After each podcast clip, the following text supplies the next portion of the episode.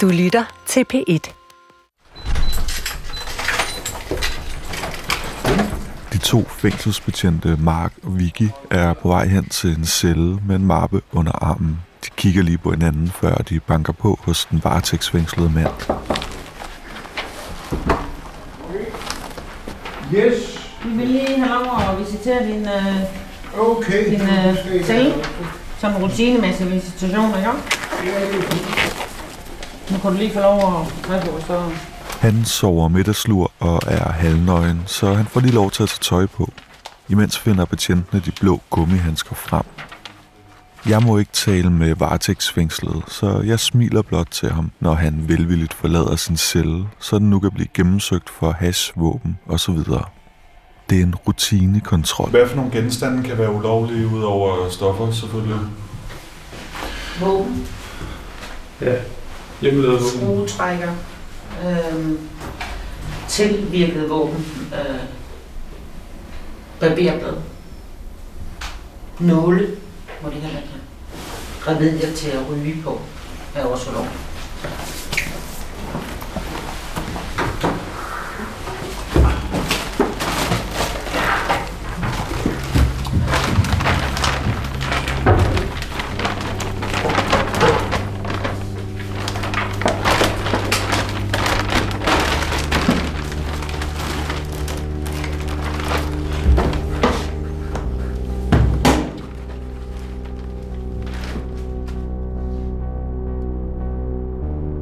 I et fængsel omgivet af smukke fjelde og betagende fjorde, har mange af rigsfællesskabets hårdest straffet deres hverdag. Indtil for et par år siden afsonede grønlandske drabsmænd, voldtægtsforbrydere og pædofile i Danmark i Hersted Vester fængsel. På Grønlænderafdelingen, som det bliver kaldt. Men nu er der blevet bygget en splinter ny anstalt i det store, kolde land. Der huser de, der vil hjem og afzone tættere på familien og den natur, de voksede op i, har jeg tre afdelinger, A, B og C, hvor her i øjeblikket sidder 69 fanger.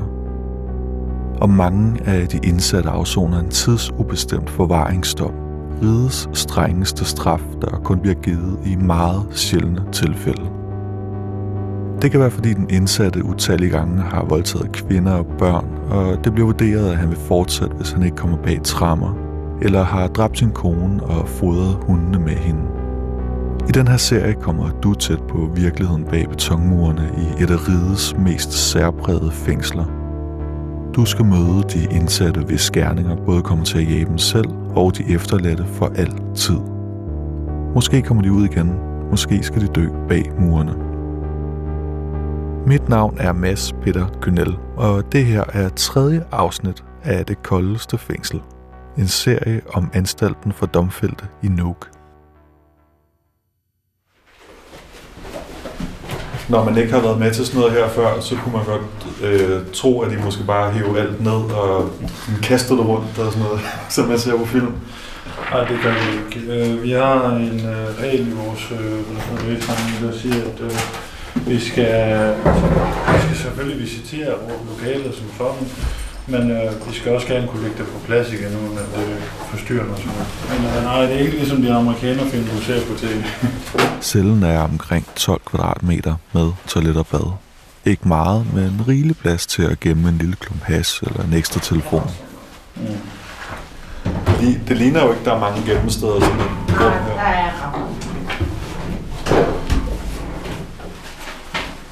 Vi opfanger ikke alle gemmestederne, fordi det er, det er, der er simpelthen så mange.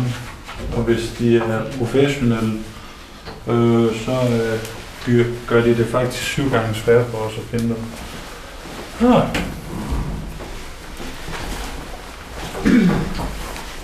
Og det er lov lov. Hvad? Lov lov inde.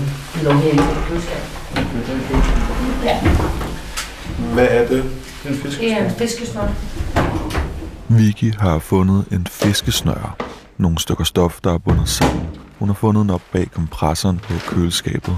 Fiskesnøren kan bruges til at sænke ting ned eller hen i en anden celle, hvis de indsatte handler med has eller skal med noget hurtigt. Betjentene kan i princippet ikke være sikre på, at den nuværende indsattes fiskesnøre Men de kan se, at han er blevet visiteret før.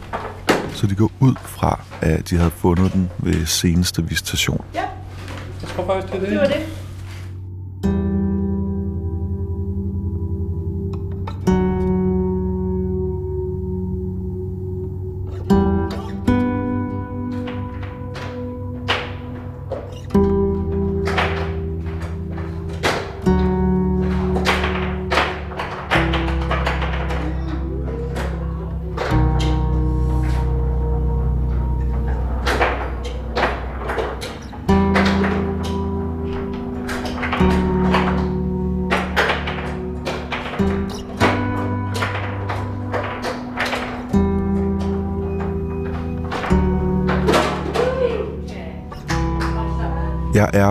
Afdeling B, en åben afdeling med i alt 24 indsatte.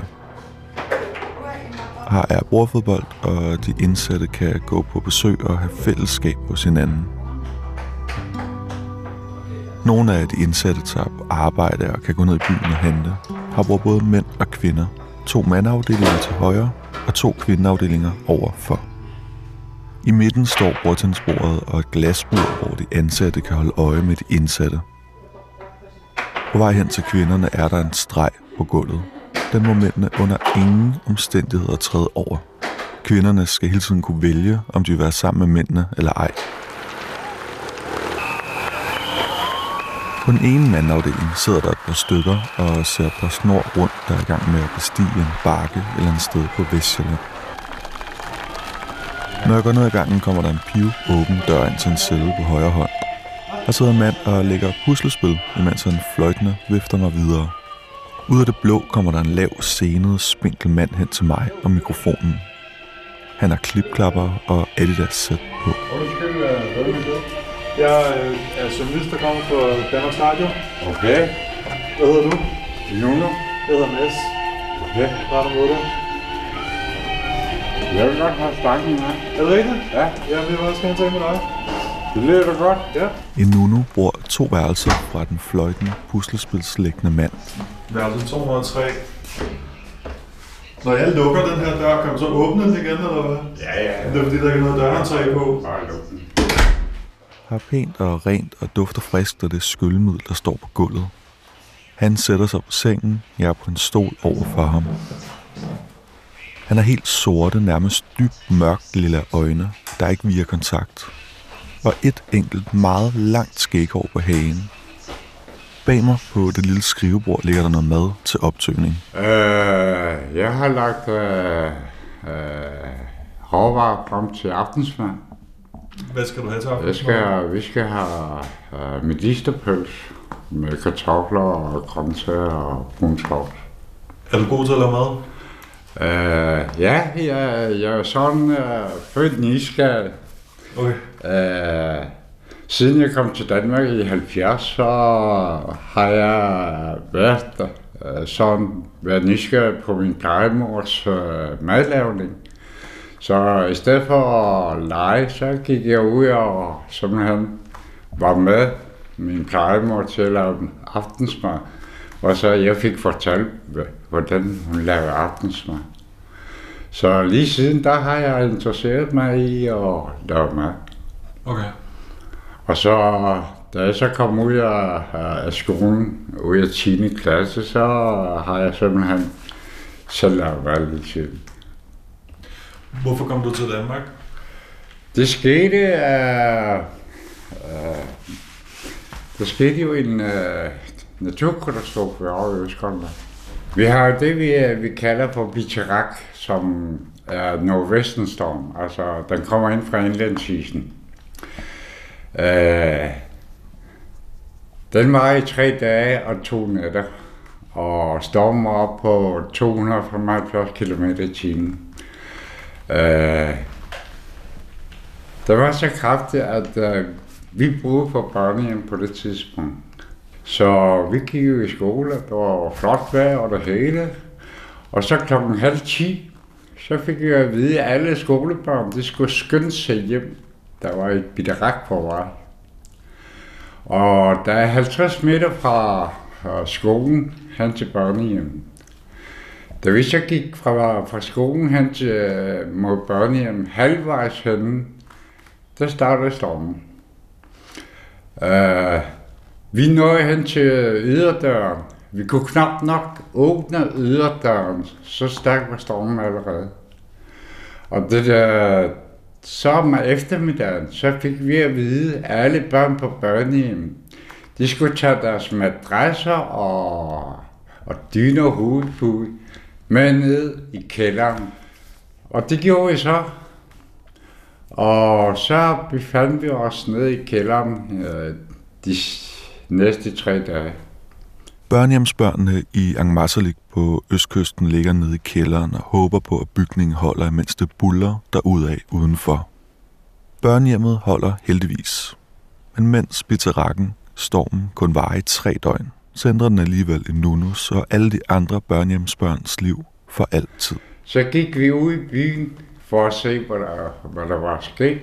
Alle de hunde, som var tøjet, øh, der er jo den uskrevne lov, at når der kommer bitrak i byen, så, får, så må alle hunde, de må få lov til at blive løsne fra, fra tøjen.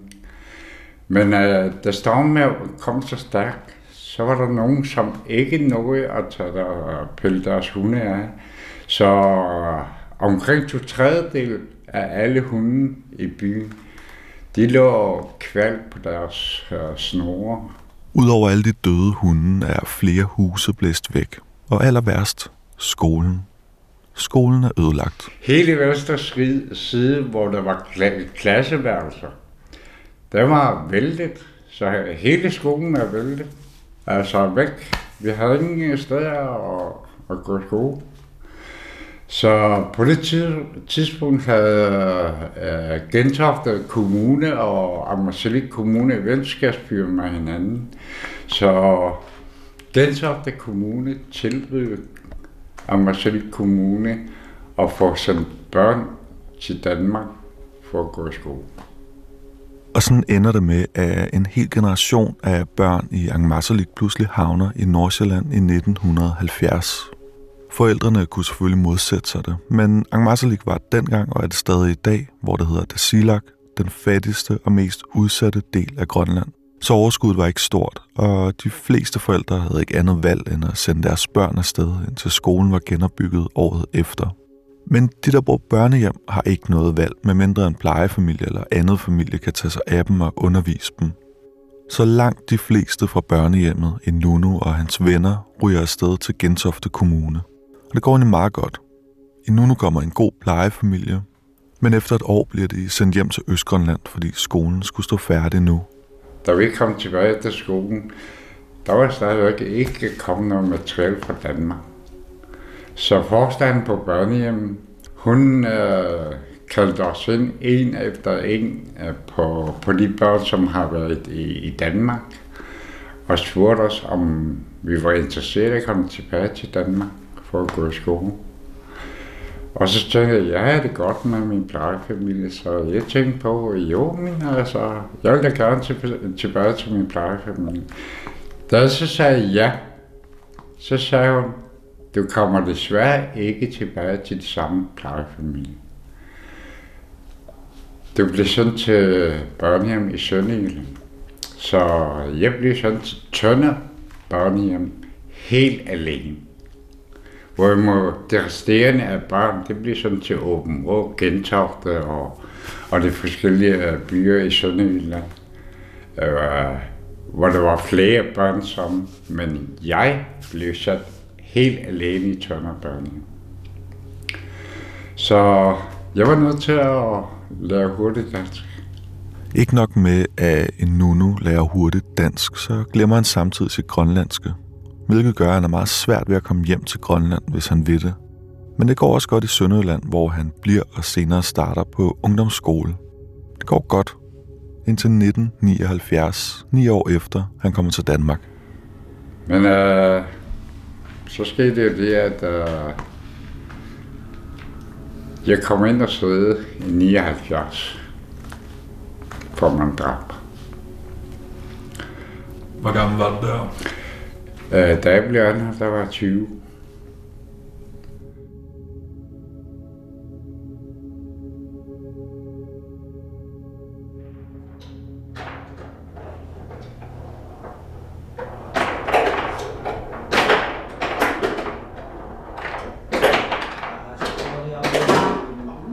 Der er gang i bordfodboldet næsten hele tiden. De, der ikke spiller, kigger på, og jeg forsøger at få nogle i tale. Men det er en del sværere her på den åbne afdeling i forhold til den lukkede. Som om de har mere mistet og er usikre på, om de kommer til at sige noget forkert. Eller også er de bare usikre på, at jeg ikke forstår og taler grønlandsk. Men alligevel vifter en ung gut mig hen til sig. Han er grønlænder og forstår dansk, men taler engelsk.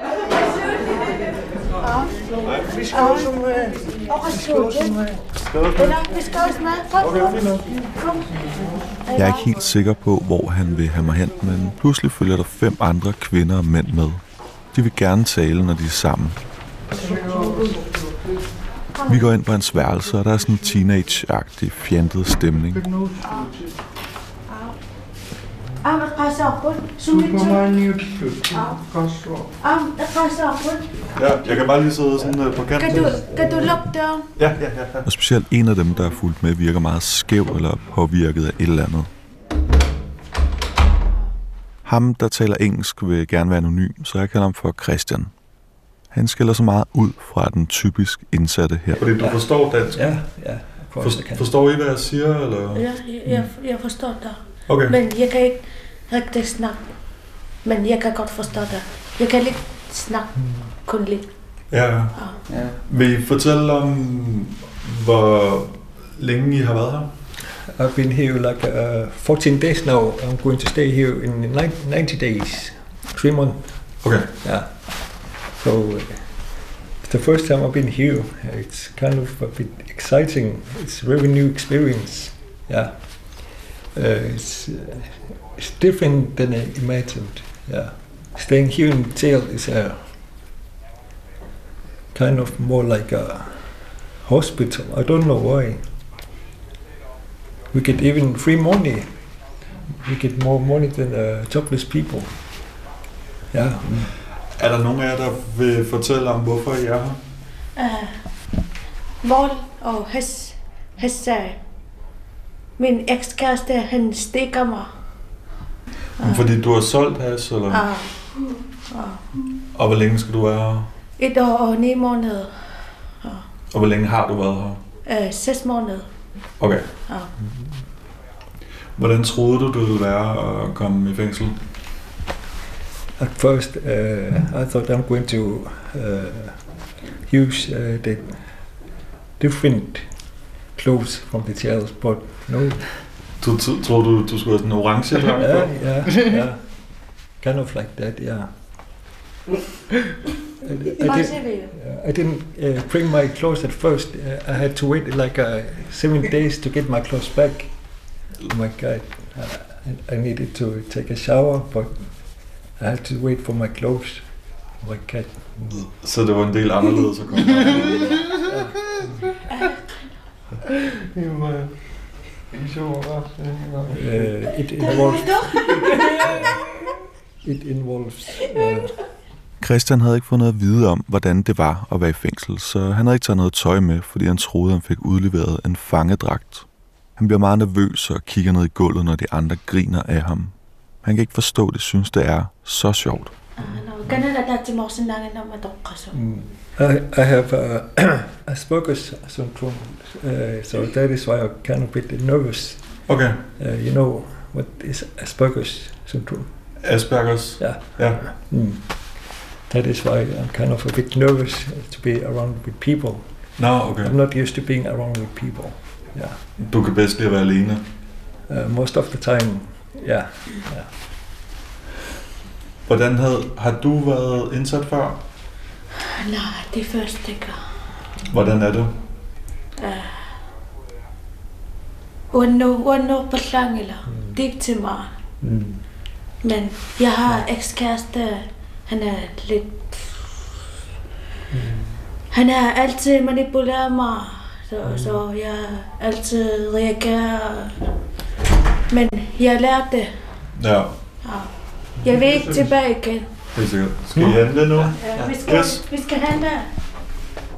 Der kommer en fængselsbetjent ind og banker med fingeren på det øverste af sit håndled to gange.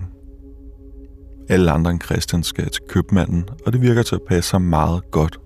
Men han siger, at der er noget, han gerne vil vise mig om lidt. Vil, vil, du, vil du fortælle om, hvor, hvad det var, du blev dømt for? Det var manddrab på taxachaufføren Leo, Madsen. På et tidspunkt dør en Nunus eneste familiemedlem pludselig. Hans onkel han havde et nært forhold til falder og slår hovedet meget uheldigt.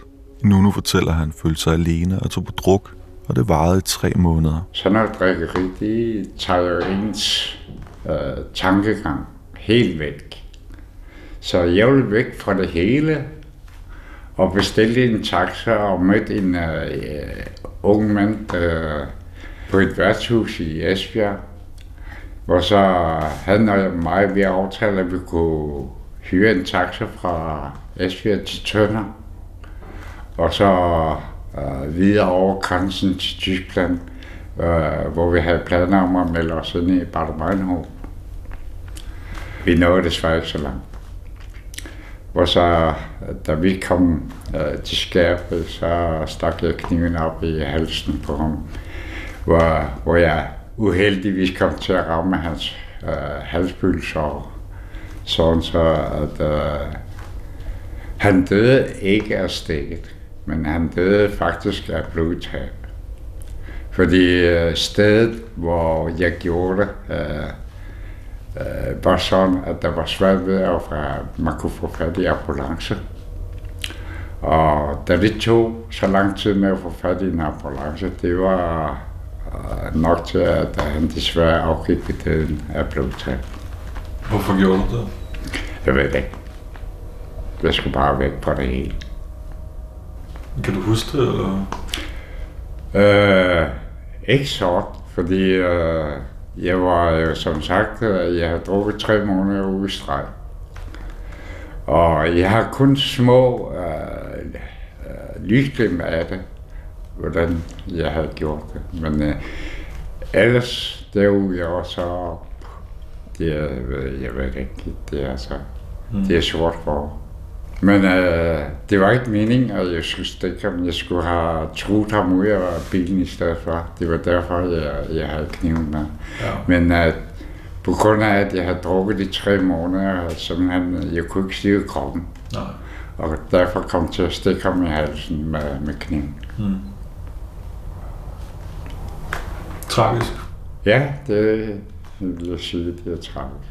Inuno kalder det et uheld, at han kom til at tage taxichaufførens liv i 79. Men den straf er for længst udstået, og i dag, i 2021, sidder han jo på 19. år i forvaring. Han fortæller, at han fik en kone, da han blev løsladt efter drabet i sin tid, men at hun desværre døde af kræft. Ligesom da onklen døde, ender Nuno på druk. Alt går galt, og han vælger at rejse hjem til Dasilak efter 25 år. Drikkeriet fortsætter, og han bliver først dømt for en voldtægt, så en til, og tredje gang bliver han idømt forvaring. Jeg ved ikke præcis, hvad han er dømt for, men det er, hvad han siger. Han gør det også meget klart, at han mener, at han er uskyldig, og at han har været udsat for et justitsmord.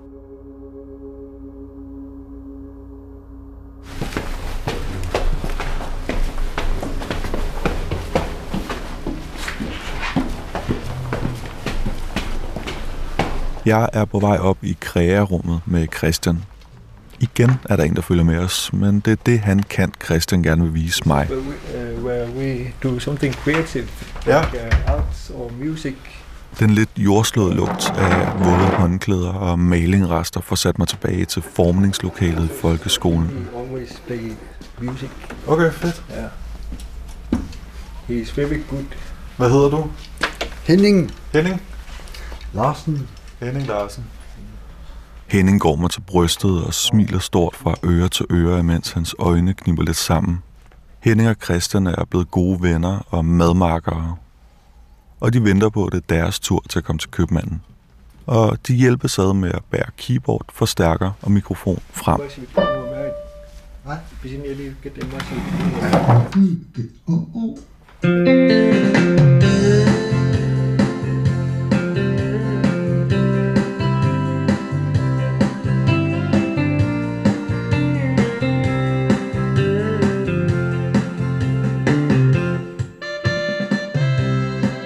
Solen brager pludselig ind af vinduerne, så man kan se støvkornene danse stille rundt i luften. Lige udenfor ligger fjellet med alle dets sommerblomster og mosser og vandløbene, der samler sig og deler sig igen lidt længere nede. Og her sidder Henning grinende og rokker ustoppeligt fra side til side, imens Christian står stolt og smiler og skæver til mig for at søge anerkendelse for, at hans bedste ven herinde giver et nummer. Henning griner ikke af Christian, fordi han er pakket forkert, og Christian siger også, at de ikke ved, hvad hinanden sidder indenfor. Det gælder om at finde venner herinde.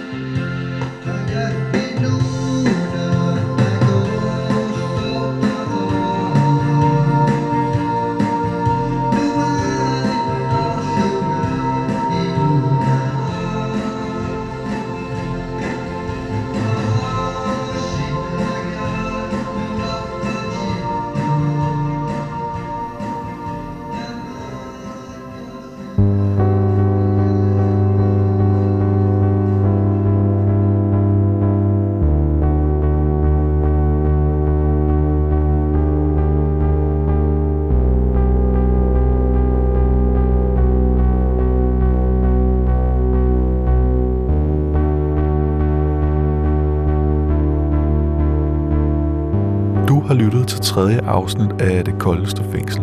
En reportageserie fra anstalten for domfældte i Nuuk. Tak til de indsatte og ansatte. Redaktør på programmerne er Rune Spar Gertsen, og jeg hedder Mads Peter Knøll.